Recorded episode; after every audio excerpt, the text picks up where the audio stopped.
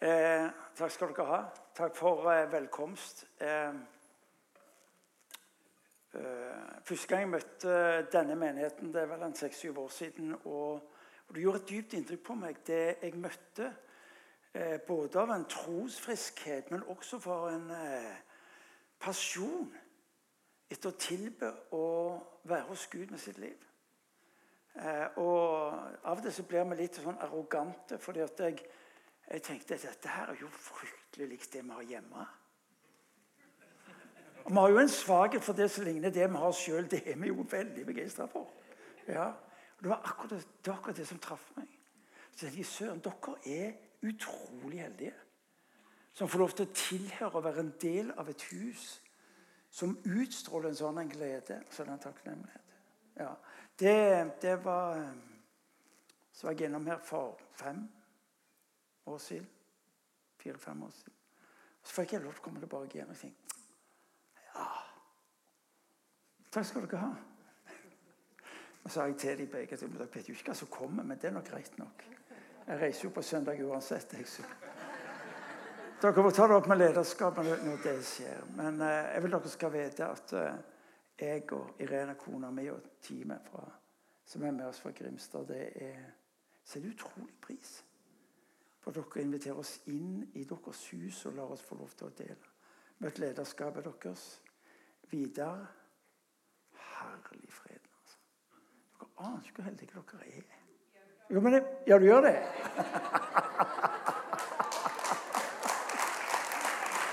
Jeg liker deg. Du skjønner det? Problemet er når du vet det, så ligger det en grådig forpliktelse på dere og for de.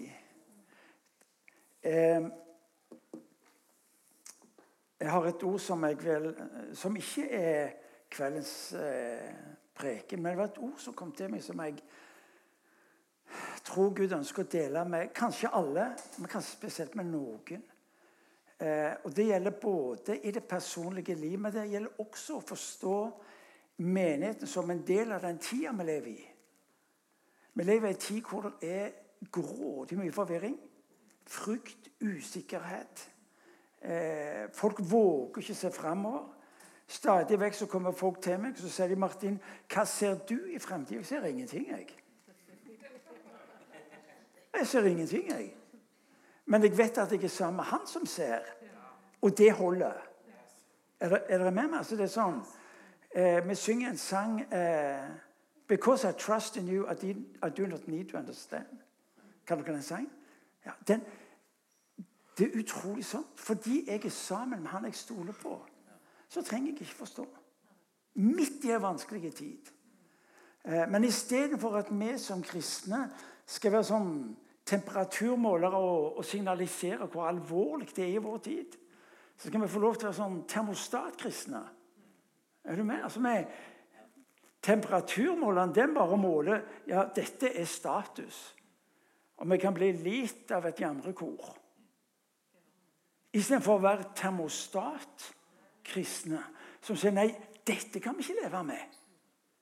Dette er jo ikke Guds plan for verken vårt folk i bygda eller landet og utover grensene. Vi ønsker å være sånn som justerer temperaturen opp. Ikke en sånn type åndelig selvgodhet, men en bevissthet på hvem jeg er sammen med. Skjønner du, så eh, jeg vet ikke hvor du befinner deg i det landskapet, men, men, men, det er et ord som kom til meg fra Høysangen, som jeg tenker I denne tida er det så viktig for oss å få tak i det. Fordi det er du forresten, Det er ikke klokker på veggen her. Og jeg er ualminnelig takknemlig for det. For når du har disse klokkene der det er sånn dum, dum, dum, Og så sånn dum, dum, dum. Så dere trenger ikke få opp den klokka for meg. Men du, det står i Høysangen, kapittel 2, så står det Nå er vinteren omme. Vi lever i ei tid hvor folk spør når tar det slutt. Når tar det slutt? Krigen i Ukraina. Pandemien. Nå snakker de om å komme tilbake igjen. Renta. Pris Altså, når skal det ta slutt? Og inn i den settingen lyder ordet til deg og meg. Nå er vinteren omme. Der andre ser elendigheten, ser du og meg muligheten. Nå er vinteren omme. Regnet er forbi, det er borte. Landet dekkes av blomster. Sangens tid er inne. Ja.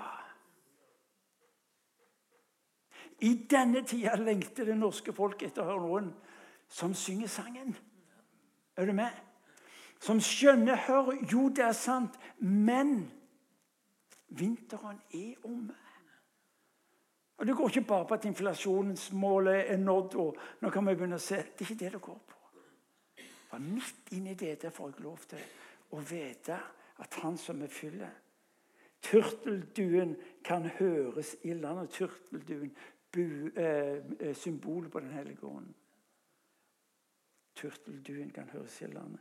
Frukten på vikfikentreet modner, blomstene på vinstokken dufter. Der de andre ser død, ser vi liv. Der de andre ser vinteren, ser vi sommeren. Jeg vet ikke hvordan du har det i ditt liv. Og det som jeg opplever Gud, Han ønsker å si til folk i dette rommet i kveld at vinteren er omme i ditt liv. Der du kanskje bare så det som var kalt urørlig og tilnærmet dødt, og du tenkte hvor, hvor bærer det hen? Så lyder ordet til deg at vinterens tid er omme. Sangens tid er inne. Regnet er forbi der borte. Landet dekkes av blomster. Om du sitter her og du kjenner Gud, jeg trenger et ord for mitt liv i dag. Jeg vet ikke hvordan det bærer igjennom. Jeg sliter. Hva du måtte slite med? Så lyder ordet til deg. Og Det å få lov til å få et sånt Guds ord som er sannhet si Gud, dette ordet det tar jeg. Dette ordet det tar jeg. Så skal jeg henge det på speilet og så skal jeg henge det på kjøleskapet. Eller hvor det er naturlig. Så skal jeg begynne å ta inn det ordet i min ånd og i min sjel. For du skjønner, ordet skaper det det nevner. Det er Guds ord for deg og for meg. Frukten på fikentreet modner. Du, da du så død ser Gud det som modne. Jeg vet ikke hvor du er i kveld. Jeg som ligger foran deg. Men dette ordet er vel verd å ta med seg hjemme i hjertet, henge det opp, og så sørge for at innholdet de får lov til å treffe deg. Herre, la oss be. Herre, vi takker deg fordi du møter oss med håpet. Herre, du ser alt som skulle vært annerledes i vår, og så møter du oss med håpet. Og Nå ber jeg Herre for de i dette rommet som kjenner mer på vinteren enn på våren og sommeren. Som kjenner mer på død enn på liv i sitt liv, Herre. Far, jeg ber om at du skal, du skal skape en ny sang, Herre. Skal slippe å ta seg sammen, for du sier du skal skape en ny sang. Alle disse ordene sier jo hva du gjør. Far, jeg ber om at du skal la turtelduen, åndens lyd, Herre, høres i landet, Herre. Froland, Agder, Norge og langt utover. Herre, jeg ber om det i ditt navn. Jeg ber om det i ditt. Amen. Amen. Sa dere amen? Ja. Du ser Eh, amen kan bety to ting. Det ene la det skje. Og det er av og til, Vi blir litt lurt av det der. For Hvis det betyr bare at 'la det skje', så er det noe som jeg kanskje ikke riktig trenger å ta på alvor i dag. Men den andre definisjonen er at det er sant. Og hvis det er sant, så må vi ta konsekvensen av det i dag. Amen? Amen. Ikke ja, men. Vi har en, tann, vi har en hang til ja, men ikke amen. Ja, men. Du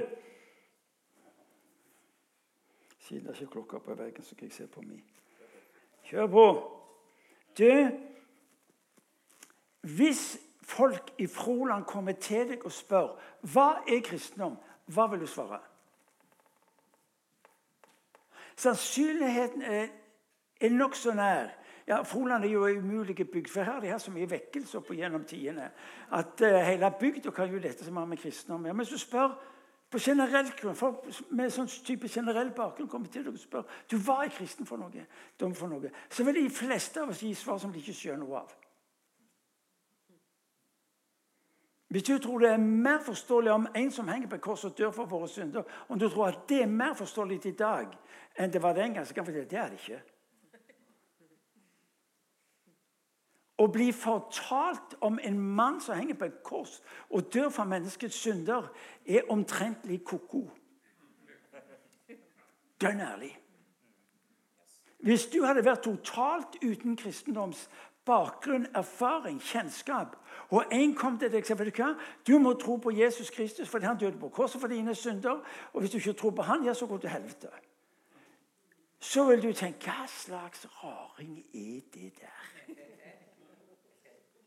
Dønn ærlig. Dønn ærlig. Jeg ville gjort det. Jeg begynte på en kristen folkehøgskole da jeg var 17 år og tenkte de har jo tørna hele bunten. Jeg kom fra en totalt ikke-kristen bakgrunn. Jeg hadde, eh, I vårt hus hørte jeg aldri ordet eller navnet Jesus. Aldri. Jeg gikk aldri i kirka. Ikke fordi det var imot det. Kirka var høyst og helt irrelevant.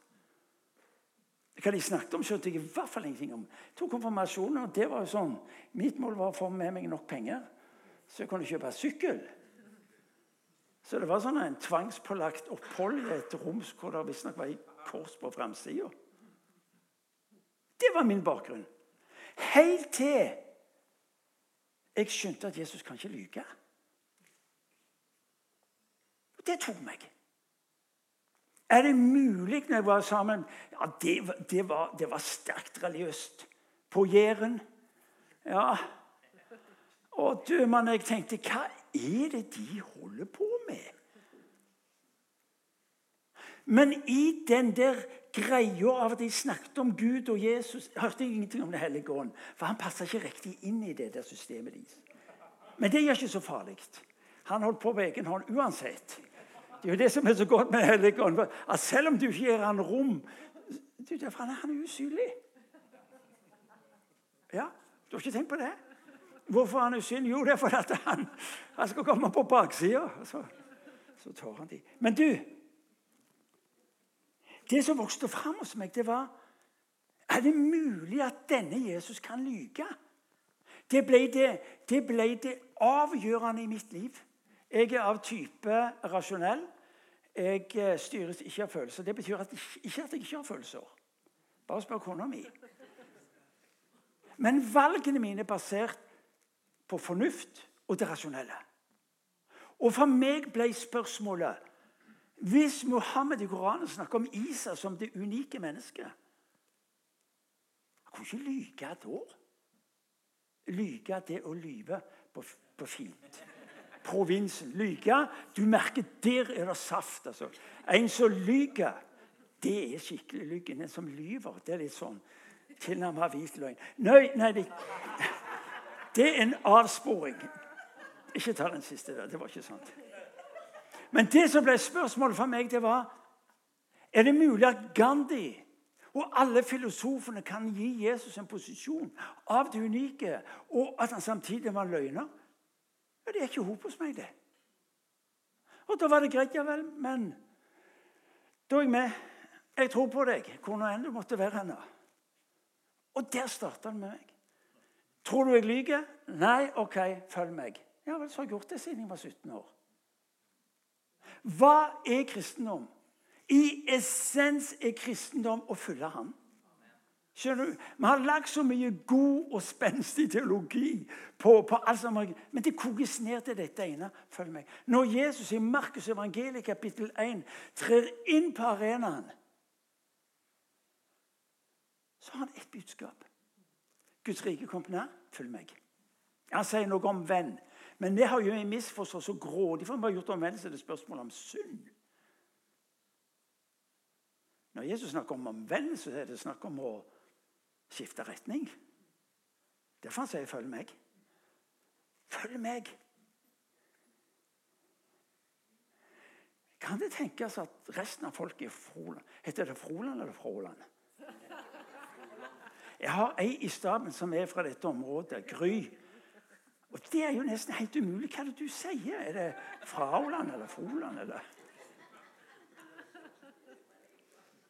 Vet du hva?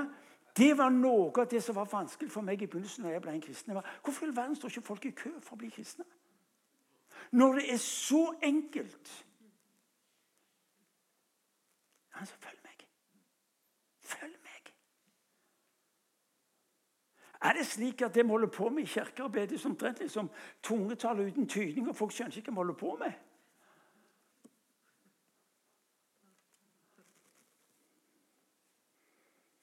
Allmaktens Gud bøyer seg ned og sier 'følg meg'. Til deg. Det er ingenting ved deg som er attraktivt. Hør, Dønn ærlig. Hvorfor all verden skulle han dø på korset? Gi meg en god grunn. Har du tenkt på det? Gi meg en god grunn for hvorfor Jesus skulle dø på korset for deg. Eller meg. Pass på at du ikke tror at jeg er holdt utenfor. Han gjør det fordi han elsker. Og hvorfor elsker han? Fordi han må elske. Ja, Men hvor er den kilden til hans kjærlighet? Ja, Han er jo kjærlighet. Han er jo selve kilden. Han elsker fordi han elsker. Og Det er så, befriende til tider å vite at jeg skal slippe at jeg på å prestere for vår Herre. For det viser at han elsker meg uansett hva jeg finner på.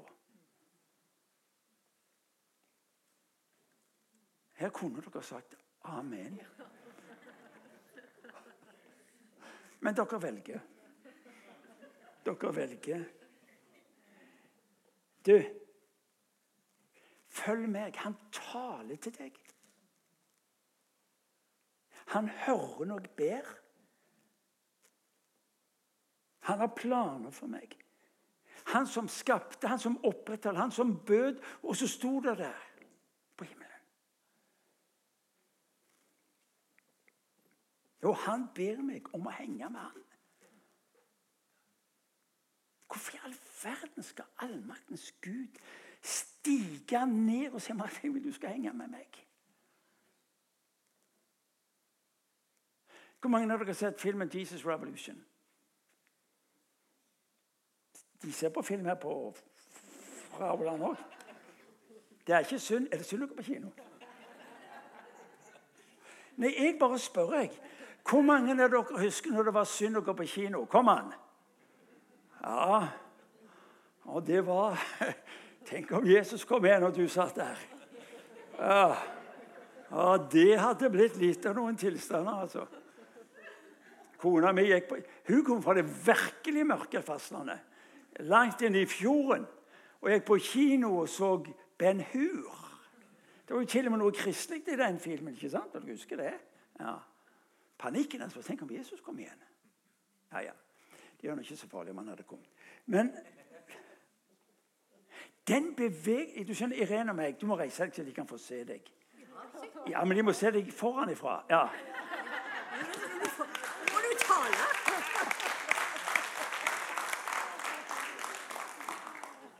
Jeg pleier å si alt som er godt ved meg, er hennes skyld.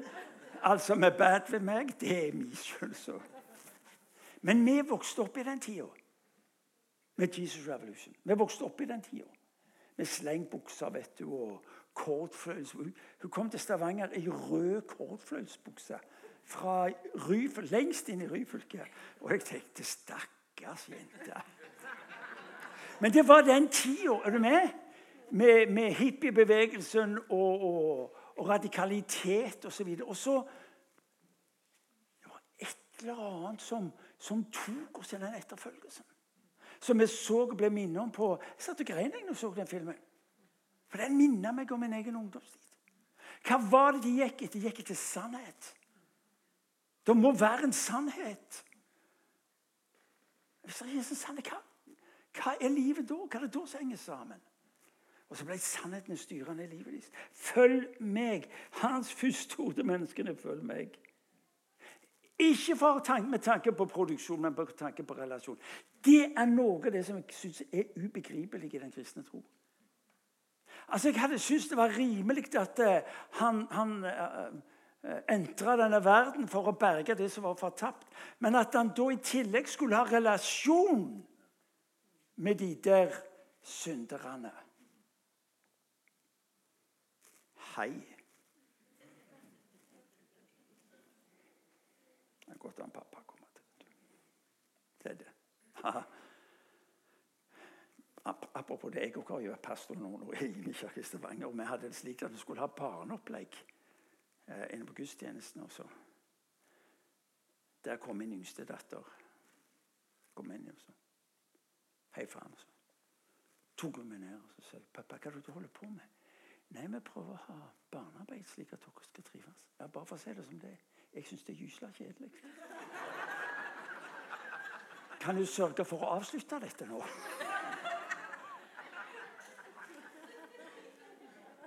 Jeg har lært ikke å Du diskuterer bare ikke med ungene dine. Nei. Du Han er jo ikke bare opptatt med å berge deg. Han er jo opptatt med relasjon med deg. Det innebærer jo at uansett hvor du er, hva du gjør, så forandrer han ikke mening. Han, gjør, han forandrer ikke mening. Relasjon, ikke produksjon.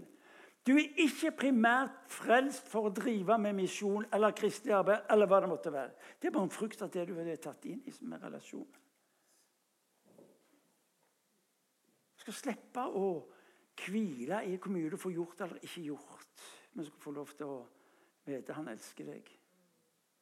Du har kalt det samfunn, sier han. Første brev til Korinterne, kapittel 1. Til samfunn, fellesskap med Sønnen. Det er hans ord til deg og til meg. Følg meg. Og vet du hva? I essens så er det dette som er kristen. Det er det eneste han forventer av deg. Følg meg. Jeg får det ikke til. Jeg gjør ikke for deg det. Bare følg meg. Ja, Det burde vært annerledes. Kanskje det, men ikke bry deg. Følg meg. Fordi at han har så stor kraft på kraften i hvem han er, sammen med deg, at det du ikke fikser, vil han si ja, men det er greit. det. Når du henger sammen med meg, så skal jeg sørge for at det blir som det skal få lov til å bli. Jeg har vært en Jesus-etterfølger i 55 år. Altså, jeg, jeg er blitt 72. Kona mi Og når jeg ser tilbake, hva skal jeg se? Jeg ser en som er trofast. Som ikke fant ut at nok er nok. Nå gidder jeg ikke mer. Og Så jeg, jeg skal fullføre. Hvis du tror at jeg er tilnærma For det er jo det mange tror pastorene at ja, de får det til. Nei, de får ikke Snakk med kona mi! Ja. Folk spør hvordan sa du det? Jeg snakker med kona mi. Hun er den som lyver minst av oss. Følg meg. Tro er lik etterfølgelse. Ja, du sier, ja, men dette kan vi, ja, men jeg kan fortelle deg, Det er det du og meg strever mest med. Alt det andre vi er kalt til å gjøre, ja, det kan vi til, men etterfølgelsen ja, Det vi utfordrer oss på daglig. Daglig. Det er interessant at All vår teologi kan jo i praksis tas vekk fra han som er teologiens opphavsmann. Distrahere oss. Forvirre oss. Og ta oss på avveier. Følg meg. Hvorfor? For at du og vi skal få lov til å være med på det han gjør. Jeg vet jeg sa dette sist gang jeg var her. Hvorfor er han opptatt med å si til deg og til meg følg meg, fordi vi skal få lov til å være med på det han gjør? Allmaktens Gud. Uansett hvor du befinner deg i livet. Uansett hvor du har rota det til. Hans utgangspunkt er aldri hvor du er, men at han får lov til å være sammen med deg der du er. Ja. Om du har rota livet til, om du har gjort alt det du ikke skulle gjøre, så er det én ting han ikke kan til å vende deg ryggen. Romerbrev kapittel 8, 29 sier at ingenting har skilt deg fra min kjærlighet. Ingenting. Har du, har du sett den lista som etterpå? Ingenting. Det er det mest ubegripelige som en Jesus etterfølger 55 år. Det at han ikke vet hvordan han skal snu ryggen til meg. Altså Hvis det var meg som hadde hatt styringa, og vi hadde bytta rolle ja, Ikke at jeg da hadde vært Jesus, men at han hadde vært meg. Er det med? Med alt det det innebærer. Ja, da tror jeg jeg har snudd mange ganger. Nei, ikke nå igjen. Må du skjerpe deg. Du, hvor kan. Men det er jo det vi sier til ungene våre. ikke det? Ganger skal jeg si det til deg? Ja. Er dere med? Er det greit? Ok. Hvis Vidar, som er sjef, sier det, da tenker jeg da kan jeg ta litt til. Ok. Du ser det at uh, hver morgen hver morgen så står det at Jesus sto opp og så står det at han gikk bort til et, til et rolig sted for å be. Og du kan si ja, men trengte Jesus be? Ja, jeg tror det. Men poenget var jo relasjonen med sin far. Fordi at Når han hadde fått lov til å vært i denne nære relasjonen med sin far, så er det nesten som han visste hva han skulle gjøre. Det er ikke slik at uh, å følge han er sånn type bingo. sånn, ja, 'I dag var jeg heldig, for i dag var det et eller annet som slo inn.' Nei.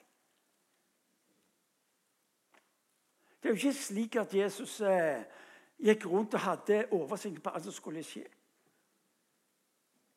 Han snakket med sin far, og Jesus sa jeg, sa han, jeg gjør ikke noe annet enn det jeg ser faren min gjør. Og så lå det hvile i det.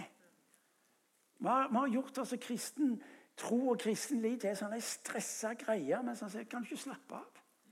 Bare følg meg, du. Ha nok med det.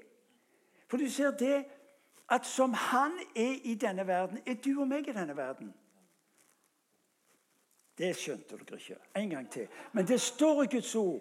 Som han i denne verden, er med i denne verden. Når han sier Johannes evangeliet kapittel 17, vers 7, så sier han Herre, den, den herlighet som du ga til meg, har jeg gitt til disse. Altså den herligheten altså Alt himmelen representerer. Som Faderen ga til Jesus, sier han den gir jeg til mine. Den gir han til deg. Og Du begynner kanskje å tenke oh, Hvordan ser det ut? La meg si, Det er ingen kvalifiseringsperiode. Den som tar imot ham, mottar hans herlighet. Den som følger etter ham, får hjelp til å leve ut den herligheten. Men altfor mange av oss sitter i stolen og så sier jeg, 'Kjære Gud, du må bruke meg.' Ja, jeg er klar, jeg. La oss gå en tur. Som han er i den verden, jeg er i denne verden. Ja, betyr, ja, det er akkurat det det betyr. Det betyr at hvor jeg er, der er han. Uansett hvor du går hen. Du er ikke robot. Det er ikke slik at det kun når du går på de rette kristelige plassene, at det slår ut.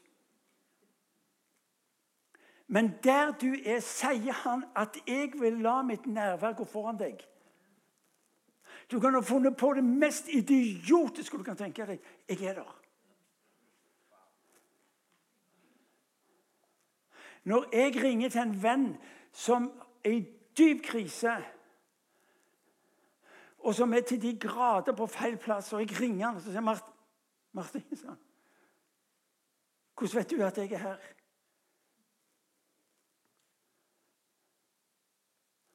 Han var akkurat gått inn i horehuset i Stavanger. Hvordan vet du at jeg er her? Det var ikke poenget hvem som visste var. Poenget var bare det at han var der.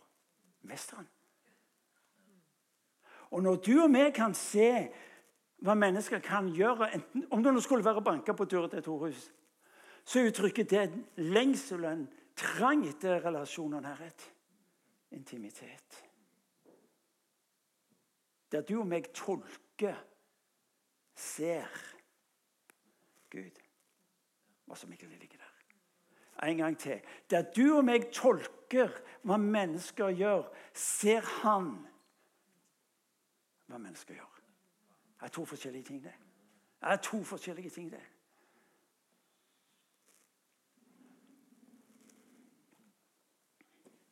Følg meg. OK, jeg er med jeg er med. Herre, hva gjør du nå?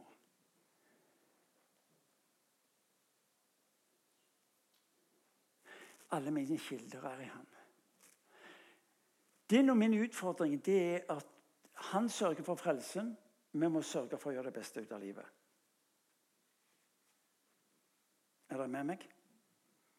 Jeg skulle ikke ha gjort det. Det var det jeg skulle ha gjort. Og så har vi et fantastisk evne til regnskap som forteller hva vi kan, ikke kan. Men han spør hvorfor, hvorfor regner du sånn? Jeg tar jo ikke utgangspunkt i hva du skulle gjort, ikke gjør. Han har så stor tro på hvem han selv er. Jeg skal undervise om dette på søndag. Om de to evangelier. Ja, Du kan ikke snakke om de to evangeliene, det er bare ett evangelium. Det to evangelier. Det er bare De har aldri oppdaget andre. Så på søndag klokka fem, hvis du skal bli sjokkert Nei, du blir ikke sjokkert, men det er mulig du får tak i å skulle se hvem du er, og hva du er en del av fra himmelen ikke fra jorda her nede. Det han sier til profeten. altså Løft øynene dine til himmelen, og se så på jorda her nede. Alle mine kilder er i deg.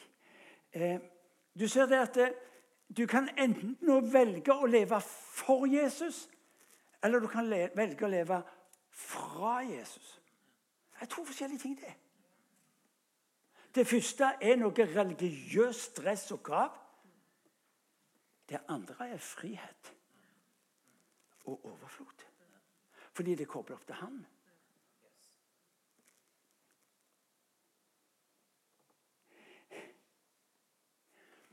Folk spør meg ofte eh, ja, men hva er visjonen for ditt liv. Og så jeg sier nei, min visjon det er Jesus. Det Det høres veldig fromt ut. Men, men, men ikke, ikke hør det fromme.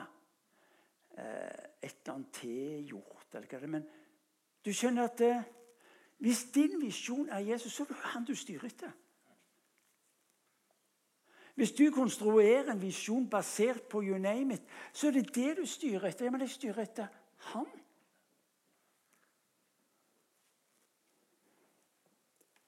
Det gir meg retningen og innhold. For hvis mitt mål er å gå sammen med han, ja, da har jeg jo det jeg trenger. Folk sier til meg at eh, ja, men det høres litt sånn type hjelpelist ut når du, har form, når du formulerer. Dette er jo en av mine formuleringer. at eh, Jeg er med på det Gud gjør. Du må jo kunne være litt grann selvstendig sjøl og så skape et eller. Er du galen? Hvis jeg kan få lov til å være sammen med Han som skapte og sørge for at systemene ikke kolliderer der ute folk, folk, er veldig imponert over det som skjer i IMI. Enkelte ganger kan jeg òg være det. Men ikke så ofte. Eh, for jeg ser alt som ikke funker. Men folk blir imponert av eh, I min kirke der en av meg starta, var vi noen og 20 stykker. I dag er vi 1200-1300. Eh, misjon i 21 land. Vi har bygd en med bygninger, vi har skoler, bla, bla. Alt det der. Og folk sier du, har du alltid drømt? Jeg har aldri drømt om det. Kan, har dette vært en visjon? Jeg har aldri hatt visjon om dette. her. Jeg må, kan ikke være frisk hvis jeg går rundt og, og, skal ha visjon om å bygge et hus og ta plass til 1800 mennesker. Men eh, er du med? Det kan, du kan ikke være frisk. Er dere med meg? Jeg har aldri drømt. Altså, vi som er rasjonelle i toppen, vi drømmer aldri. For vi, vi tar hele veien utgangspunkt i hva virkeligheten er. Men det gjør jo ikke farlig hvis du går med han som ser hva han vil gjøre. Når disiplene kom til han med og sa Jesus, du må sende disse folka hjem, for de er sultne, og noen av dem er blodsukkeret rimelig lavt Snakk om de 5000 eh, pluss kvinnene. Ja. Jeg skal ikke si eller annet hvor blodsukkeret ligger. Men Jeg har vært gift i 40 år. jeg har, Martin, Hvis ikke jeg får noe å spise nå, så er det et eller annet som går av hengslene.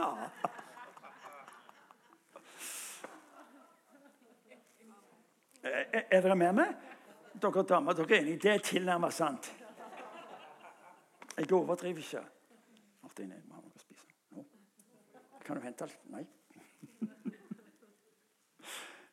Men hør nå i denne, denne utrolig vakre beretningen.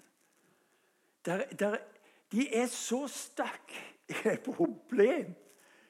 Med butikkene stengt, alle Kiwiene har lukka dørene. Det er ingenting. Og Så kommer de til han og sier, og så løser de det på deres vis. Jesus, send de vekk. Steng dørene. Fortell at det er over for i dag. Kom tilbake neste uke. eller noe. Så står det Men Jesus visste sjøl hva han ville gjøre. Du er sammen med en som hva han sjøl vil gjøre. Så sørg for Guds skyld hold deg i nærheten av han da. Hvis ikke sender du opp skal løse problemet på din egen måte, og dermed så sender du de vekk. Det var det disiplene foreslo. Send de vekk. Kan jeg ta meg denne? Dere har sett den. Ja, 'Fin jakke du har', sier de til meg. Ja, jeg fikk den. Fikk den til halv pris, så det går bra. Men hør, hør, folkens. vet du hva? Det er befriende å le litt. Er du ikke enig? Hun sa det. Vi må le i kirka, for hvis ikke tror folk vi Det sa du ikke, men jeg sier det. Folk må tro vi er syke. Så Det er to ulike måter å løse det når du er i følge med denne Jesus. Det ene er steng dørene, send dem hjem. Eller si Jesus, det virker som at du vet hva du sjøl vil gjøre. Og hva er det? Ja, kan jeg få lov til å vise? Ja, ok. Og da står det om denne Nathanael som skjønte For han hadde vært sammen med Jesus en stund. For han hadde jo klart å legge opp i den flokken på 5000 pluss litt til. Så han har klart å funne en guttunge med noe skjeve og noe fisk. Hør nå, folkens. Én ting er det Jesus gjorde. Den som jeg syns den imponerende skikkelsen er, det er Nathanael. For du og meg ville ha sagt Kom an! Der sitter 5000 pluss kvinner, pluss barn. Ca. 15 000 mennesker. Og du, Nathanael, kommer drassende med denne guttungen og spør kan, det hjelpe. Du og meg er eksperter på det vi ikke har. Nathanael så muligheten, han. Jesus, det er noe her. Og så har dere hørt beretning så mange ganger. dere vet hva som skjedde. Det var ikke det at når Jesus velsigna brød og fisken, så ble det plutselig til hval. Folk går rundt og tror at når Jesus velsigna fisken, så ble det til hval. Og disse kjevene ble det sånn på størrelsen med Som en sa Sina i bjerget. Det gjorde ikke det. Det var jo like smått fra Jesu hånd til disiplene som det var opprinnelig. Mirakelet skjer ikke når Jesus ber for maten. Mirakelet skjer når disiplene våger å begynne å gi ut. Når du er opptatt med ditt regnestykke og dette, dette går ikke i hop, så er det helt riktig. Hvis du hadde vært observatør til det Peter skulle finne på når det satt 500 mennesker, og han kom bort der og ser på den flokken, og så tenker han oh, Dette må jeg få til å vare lenge. Hva? Så han starter smått. Det er tillatt å starte smått. Er du med? Det var ikke slik at han ga sitt, og så sprang han. OK, jeg kan ikke gi alt på en gang, for det skulle holde til mange. Så han begynner smått. Hør nå. Det er tillatt å starte smått. For når du våger være tro på det lille, så tar han deg over det som er større. Og vet du hva jeg synes er så fascinerende? Det står at når de var ferdige, så var det tolv kurver til overs. Det har lagt inn mye teologi i det der. Ikke bry deg om teologien. Tenk praktisk. For det jeg tror var saken, det var at når Peter oppdaget når han begynte å bryte brødet, så vokste det mellom hendene hans.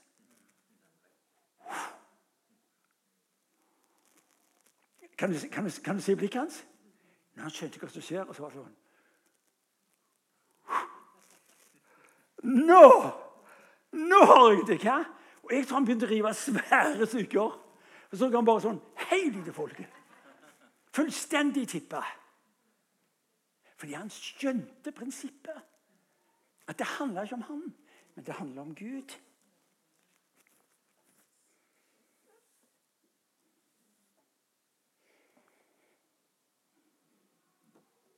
Hva gjør du nå, Jesus? Hva gjør du nå? Det er å være med på det du gjør. Jeg er pastor noen og 40 år. Jeg fortsetter å være pastor. De trenger besteforeldre òg, ser du. Jeg regner med jeg fortsetter. Fremdeles lønna stab. Bare for at vi kan kontrollere hva de holder på med. Nei, Nei det er ikke derfor. Det er ikke derfor. Det er ikke derfor.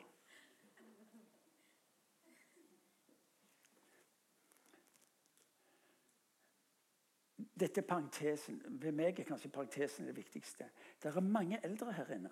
Min alder. Jeg møter enkelte ganger Dette er parentesen. Jeg har ikke holdt på så lenge heller. Så bra, da. Fremdeles parentesen. Til oss som er over 50. Hvor mange her er over 50? Ja, Det er flertallet. Ja. Vet du hva? Nå, nå var det noen som gikk meg forbi. Kom an! Ja, du må si det høyt. Er du òg over 50? Du syns det er OK? Fantastisk! Ja. Du ser det, I dag snakker de veldig ofte om den unge generasjonen som er framtida og redningen. Svaret det er kvalifisert løgn. Er du med? Hva er redningen? Det er den generasjonen som lever i dag. Og Den består både av barn, ungdom og godt voksne. Og Hvis ikke vi skjønner det, så er uansvarlige foreldre og voksengenerasjon for de unge som har ett ønske det å være sammen. Morfar, du er altfor mye vekke, sier Lykke Dorothea. Hvor er morfar henne? sier hun til Irene. Han er på reise og forteller andre om Jesus. Han er for lenge vekke. Jeg må snakke med han.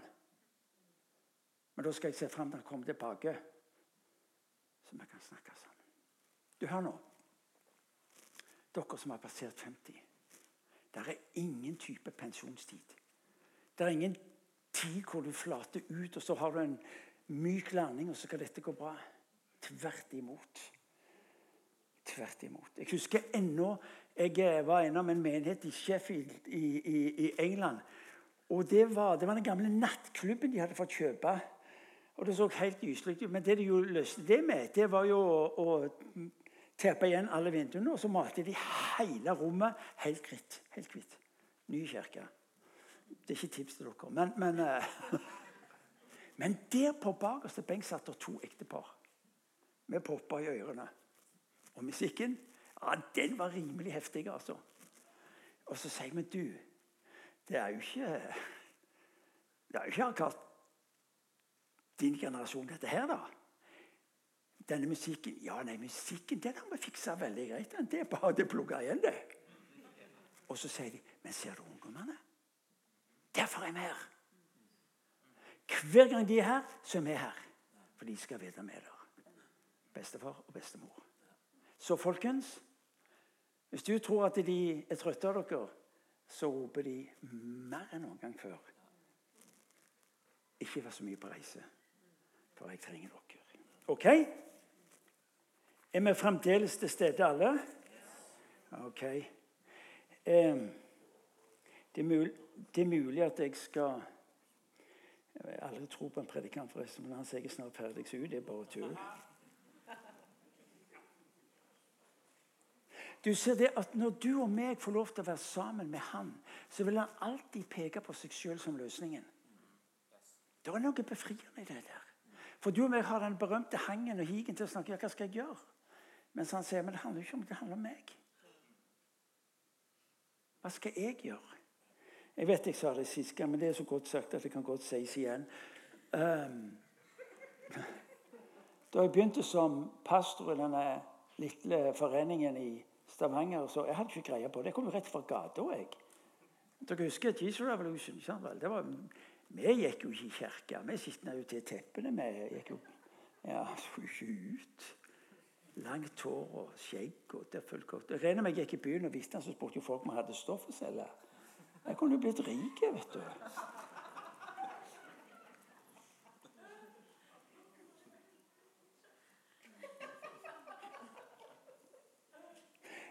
Han, han, vil alt, han, vil alltid peke på seg sjøl. Jesus vil alltid peke på seg. Det, det, er noe så utrolig vakkert i det der at når jeg er stygg, så vil han peke på seg sjøl. Så spør meg, sa han. Spør meg. Ja, men, ja, men spør meg. Det vanskeligste du og meg har å ta inn, det å hvile i at han mener det han sier. Det var derfor han sa det. Er, er du med meg? Altså, Din umulige situasjon er hans mulighet til å vise sin herlighet på ditt liv. Når du opplever at du har skrudd det skikkelig til, så er det hans mulighet til å demonstrere sin herlighet på ditt liv. Hans herlighet er ikke for de gode. Jo, det òg. Men ikke primært, for da klarer du deg omtrent deg sjøl. Men det er for de dårlige dagene. Jeg vet ikke hvor du befinner deg i livet. Jeg vet ikke hva situasjon du har nå. Jeg vet ikke om du er en Jesus-etterfølger, eller hva det er for noe. Men uansett hvor du er i ditt liv, så møter han deg med ordet og 'følg meg'.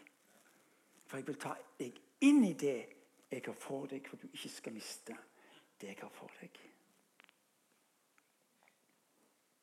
Det var derfor han sa jeg vil bygge min kirke. For at du skulle bli en del, ikke bare av et bygg, men av en familie, av et liv. For hvorfor var det avgjørende viktig? Og nå er jeg òg tilbake igjen til dere. Det er fordi at Jesu ord til sine disipler var 'gå ut og disippelgjør'. Ja, hva betyr det? På godt norsk betyr det oppdra. La meg være såpass uhøflige. Det kan dere leve med, siden at jeg sikkert ikke vet bedre. Men det er en god del av dere som trenger å ta tak i og bli oppdratt på nytt.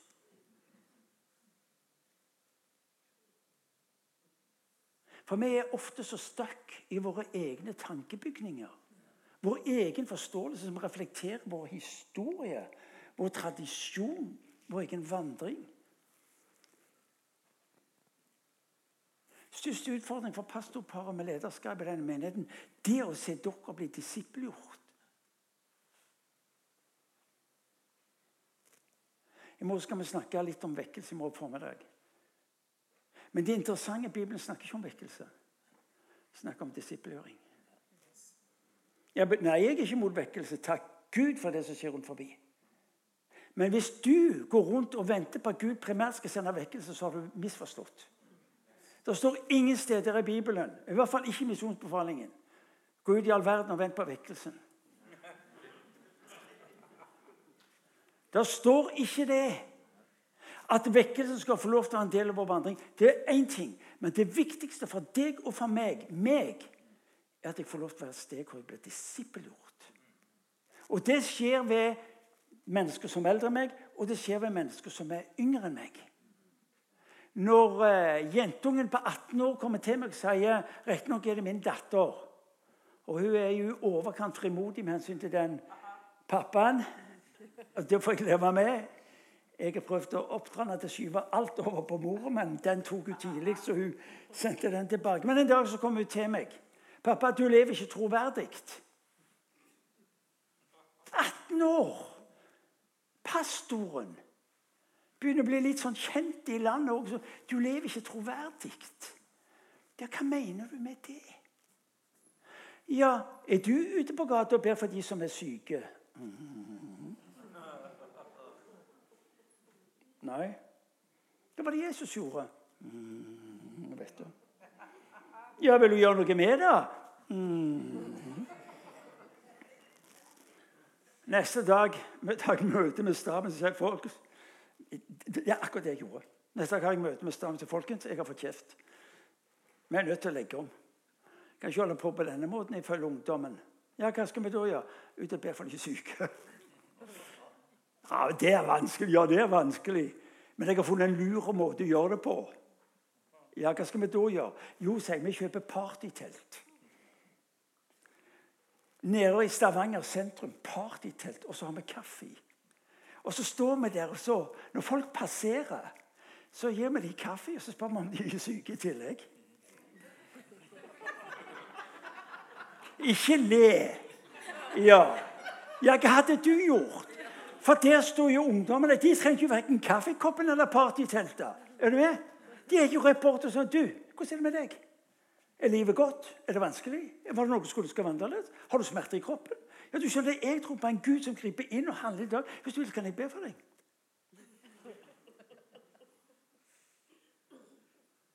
Pappa, folk blir frelst fordi de ble helbreda først. Og Der sto jeg med party til. Jeg skal fortelle dere jeg sto der i fem år. Ja, Det var megakult. Det er ikke farlig om du er litt flau, om du syns dette er litt å dumme seg ut. Det er ikke farlig, det. Mesterens nedslag er ikke avhengig av at du er sånn en tut-og-kjør-utgave. Er du med? Når, når, vi sto der med partyteltet vårt og kaffen, og folk gikk forbi Du må tåle litt sånn gruff, for da kan en prest forbi seg sånn. Ja, jeg ser du har funnet på et nytt stunt nå. Nei, jeg prøver bare å gjøre sånn som Jesus gjorde, men greit, det. Hva har du til kaffekoppen? Så kommer dama forbi og så sier du, vet du hva? Jeg har hatt dobbeltsyn i flere måneder i livet mitt. Og så var det en dag jeg kom forbi dette partyteltet ditt, og så, og så ba du for meg, og så ble det helt justert. Wow, er det sant? Ja, det er sant. Der står det to muslimske gutter, flotte gutter. Ja, står det ei dame og sier hvis du vil, så kan jeg For hun sa hun hadde smerte i kroppen. Så kan jeg be for deg. Nei, det var ikke nødvendig at hun, hun, hun ba til Gud. Så det er greit. Og så sier disse to muslimer Hva? Han, han, han, spør om du vil skal be for deg, og så sier du nei. Du ser det, sier disse to muslimske guttene. For 14 dager siden så vi passerte vi dette partyteltet. Og så ba de for oss, og begge to ble med, med, med, momentant helbredet. De er fremdeles muslimer. Så må vi be om at de skal få litt lenger ned på veien.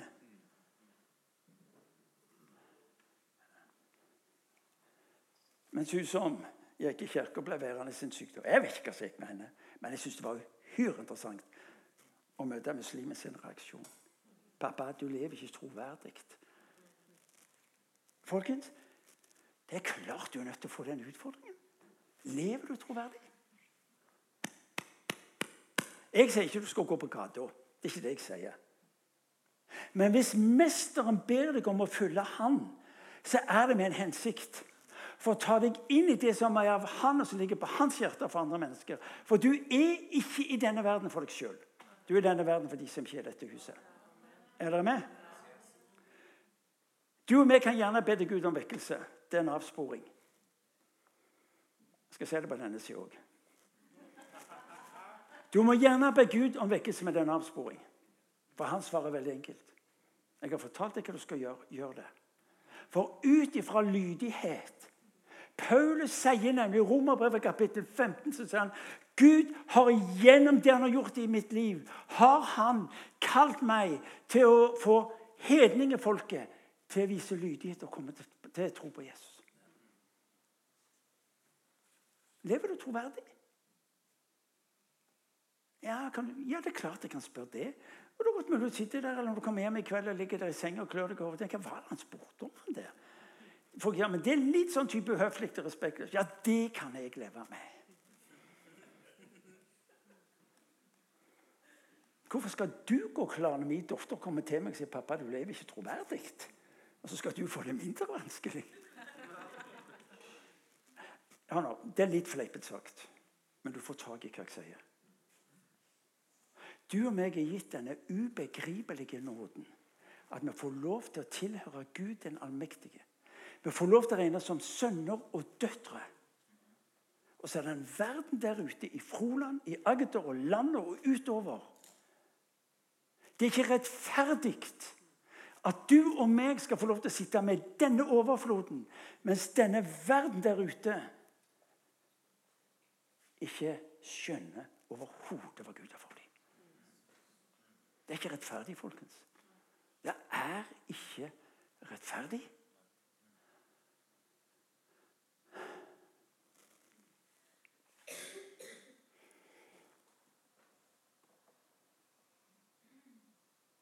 Vi har ett grunnleggende mål hjemme i menigheten.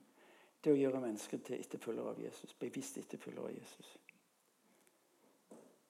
Og Spørsmålet til deg og til meg er hva er det du og meg investerer i? hva er det du og meg investerer i? Denne menighetens tilbud det har ett mål. Det å hjelpe deg til å være en Jesus-tilfølger følger med betydning for mennesker i denne verden. Disse to praktfulle menneskene de er, de er noen herlige mennesker. Altså Dette kvinnemennesket altså, hun, er jo, hun er jo et funn. Er, er dere ikke enig? Ja, du er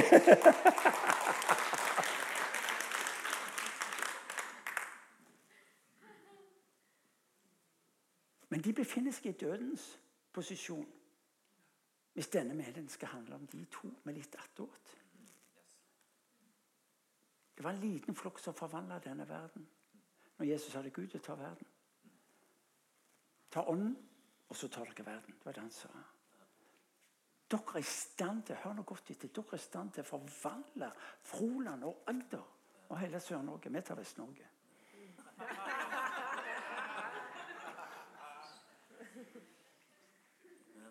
Ja, kan vi snakke sånn? Ja, Hvis mesteren sier til denne forskremte gjengen som sto på berget forbi Jerusalem og så hør nå, nå tar dere verden. Så starter dere Judea, Samaria og like til jordens ende. Så, så, var det jo fordi han mente det. Han står jo ikke der og ønsker at eh, Jeg håper at denne gjengen skjønner hva jeg sier. Er dere med meg? Det er ikke det han gjør.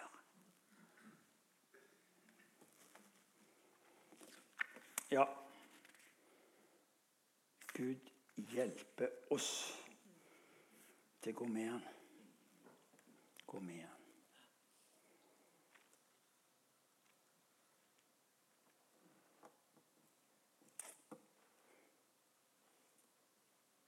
Ja, Dere må få med dere en historie fra Skriften. så Jeg har hatt nok skriftord til at dere skjønner at han snakker ikke bare om seg, ut ifra seg sjøl. Du skjønner, Mesteren vil alltid ta deg videre. Han vil alltid ta deg videre. Hvis du hører folk si om deg at du er akkurat den samme som du alltid har vært, så er det all god grunn til at du går hjem og spør hva var det de sa. Hvis folk sier ja, Martin, du er den samme, da tenker jeg fy søren. Hva er det som har stått opp?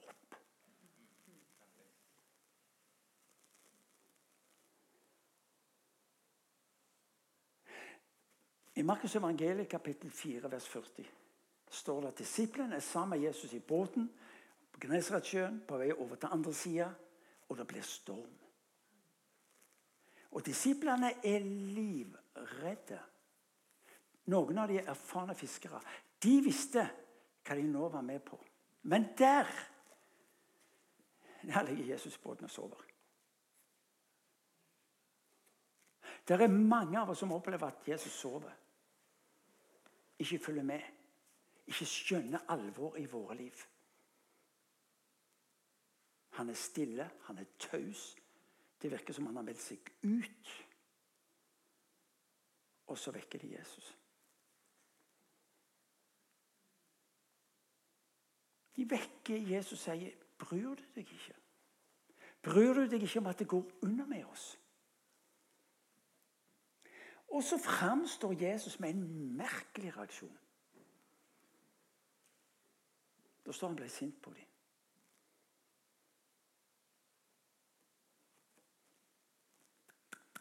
Det står at han ble sint på dem. Hvorfor ble han sint på dem? Hvorfor tok han dette oppgjøret med dem? Dere lite troende, sa han. Var det fordi han mente at disiplene sjøl skulle ha løst den situasjonen med å stanse denne stormen. Kan det være når du har en god oversikt på det som er din livssituasjon, og du ber om hjelp, at mesteren vil si til deg nå er det på tide at du stopper denne stormen? For jeg tror det var det som skjedde i denne beretningen. Jesus regnet med etter å ha vært så lenge med dem, at de sjøl visste hva de skulle gjøre. Det har med disiplering å gjøre. Det har med å forstå hva som er mitt ansvar, og hva som er hans ansvar. Det kan godt være at der du, be, du og meg ber han om å gjøre ting, så sier han hør nå.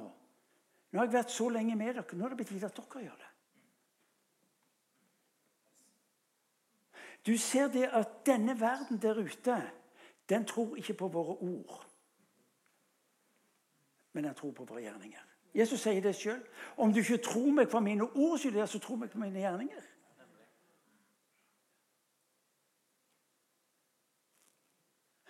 Hvorfor Og det har ikke dere gjort. Ser dere tilbake på rike tider med vekkelse? Istedenfor å våge å tro at vi lever jo i en permanent vekkelse.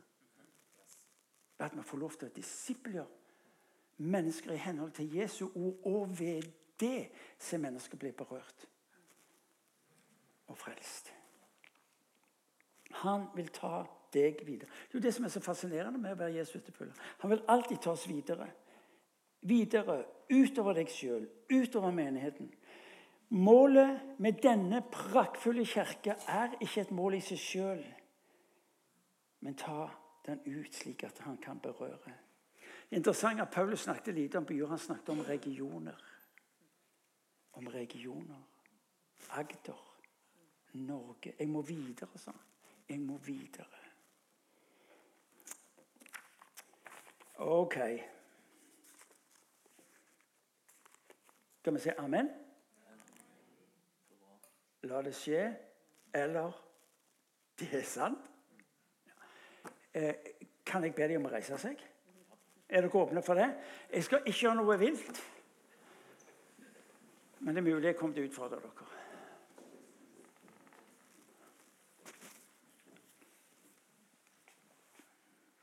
Først du må få tak i dette. Det er han som inviterer deg til å følge ham. Det kalles for nåde. Det er han som tar deg inn i sitt nærvær for at du ved det skal ha det du trenger fra himmel og jord. Det kalles for nåde. Det er han som i Johans evangeliet bekjenner at den herlighet som han fikk, med alt det himmelen representerte, har han gitt hver enkelt av oss her inne. Dere har blitt utfordra til å gjøre noe med det. Vi er altfor snille i kirken rundt forbi. Vi våger ikke å utfordre. Men det er det vi egentlig lengter etter. Du har en leng jeg vet du har en lengst. Du hadde ikke vært i denne kirka fredag kveld hvis det ikke var fordi at du ønsker mer av Gud. Være med på det han gjør, slik at denne bygda kan bli forvandla. Du, du har ikke vært her. Men kanskje du er her inne fordi du tenker jeg ønsker å bli frelst. Jeg ønsker å bli en Jesus-tilfølger. Får det ikke til, forstår det ikke. Men det han sier til deg om du er her, så sier han bare følg meg. Ja, Du kan begynne med å holde deg til Guds hus, dette vakre Ikke primært bygget, men disse menneskene, hva de representerer. Og så har du Guds ord.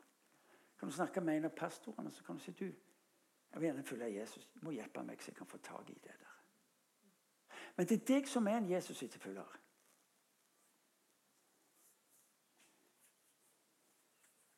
Det er ikke rettferdig at du skal ha fått så mye når en verden der ute opplever de ikke har fått noen ting. Det har konsekvenser for alle sider av livet. Det har konsekvenser for tidsbruken din, det har konsekvenser for pengene. Det har konsekvenser for måten du møter mennesker på.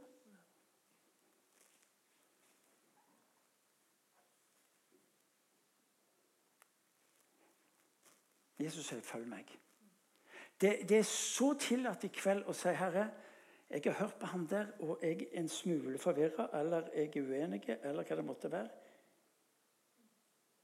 Men la meg få lov til å følge deg. På en slik en måte at du tar meg inn i det du har for meg, slik at denne verden kan forandres.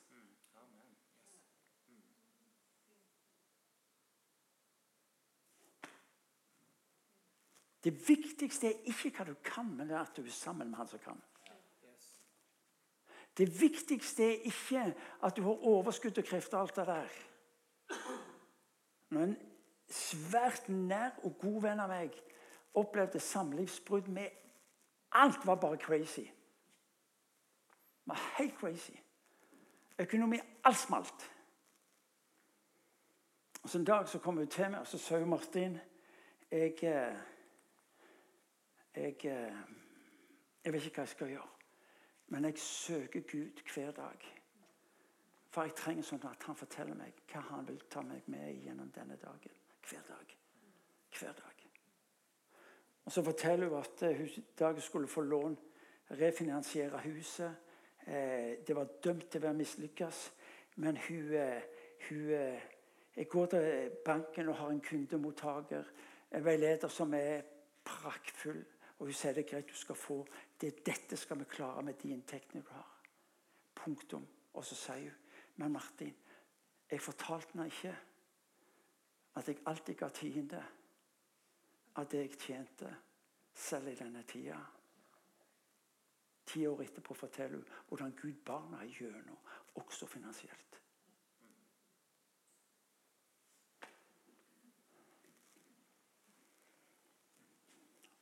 La oss takke og la oss be.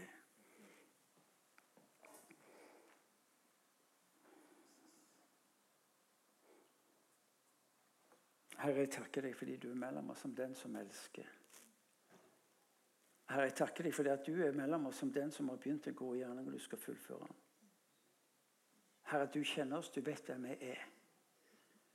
Men ditt utgangspunkt for forvandling av mennesker og samfunnet er ikke hva vi i utgangspunktet måtte ha. Men hva du i din rikdom tar oss inn i. Nå ber jeg her for enkeltmennesker i dette rommet Herre, gi dem mot på en ny, en ny overgivelse til å gå med deg. I møte med familien, jobben, naboer, hva det måtte være, Herre. La de erfare dette egentlig gigantiske at du inviterer til at vi skal følge deg. For at du kan få virkeliggjøre det som ligger på ditt hjerte.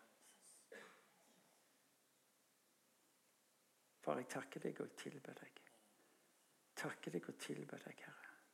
Ber for menigheten. Takk fordi at det får være et sånn utrolig vakkert sted, Herre. Hvor mennesker kan komme og vite Herre, de møter både deg, hverandre, med liv, overflod.